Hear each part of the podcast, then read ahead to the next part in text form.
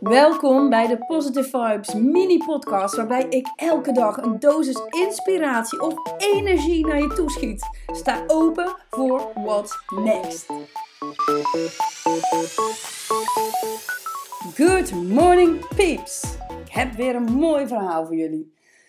Ik sta vandaag aan school om mijn kleine af te zetten. En uh, met dat ik daar sta, up tempo, volop uit de speakers, komt de conciërge naar me toe lopen. Die up tempo, die vindt die klein leuk. En ik af ook een nummertje. Dus ik draai mijn raam open. Hij zegt, zou je volgende keer op de stoep willen parkeren? Maar goed, ik denk natuurlijk, oh my god, wat moet hij nu wel niet denken van mij? Met die dikke up tempo uit de speakers. Maar goed, ik kreeg natuurlijk een compliment dat ik het eigenlijk normaal gesproken hartstikke goed deed en goed keek. Hè, want het gaat om fietsers en ander verkeer wat langs moet komen. Maar hij zegt, ja, we willen gewoon toch voor iedereen deze regel doortrekken. Dus helemaal prima. Maar met dat ik dat raam dus weer dicht heb gedaan, dacht ik dus inderdaad, oh ja, wat moet hij, wat moet hij nou wel niet van mij denken? En toen zat ik erover na te denken over vooroordelen bij mensen. En hoe snel wij dus eigenlijk geneigd zijn om een oordeel te vellen over een ander. En je weet niet iemands verhaal. En ik hoorde van de week ook al bij een andere uh, coach op internet dat iemand haar had bevooroordeeld over het sporten wat ze deed. Nou ja, ik vind dat inderdaad soms ook best wel heftig. Maar als je dus bijvoorbeeld gaat kijken naar de hardere stijlen muziek, waar ik wel echt van hou ook. Maar ja, hé, hey, zegt dat wie ik ben? Is het per definitie dat mensen die naar de hardere stijle muziek luisteren, dat die per definitie dus eigenlijk gewoon ruig zijn of aso zijn of whatever? Net als vroeger mensen met, met tatoeages op. Als je vroeger een tatoeage had, dan was je best aso, weet je. Dat was wel, uh, dat deed je niet zomaar. Terwijl als je gaat kijken naar indianen, is het een ritueel, uh, verbondenheid uh, met, met de tatoeages.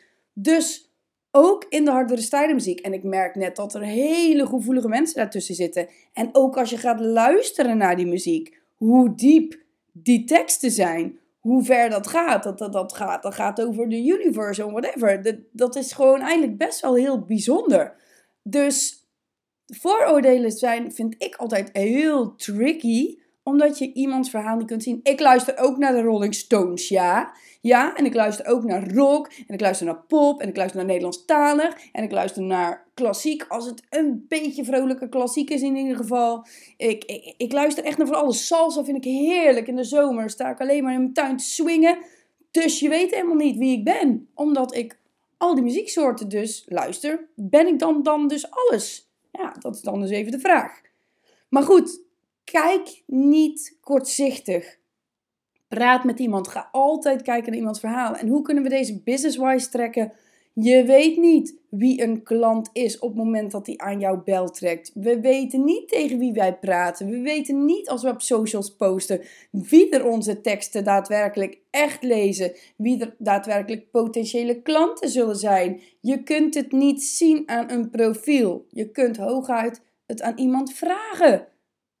Hoe wil jij je presenteren in deze wereld? Want het gaat over presenteren. Want ook al zegt iemand van, oh ik ben zo, of ik wil dit, of ik voel dat. Je weet het nog steeds niet 100% zeker.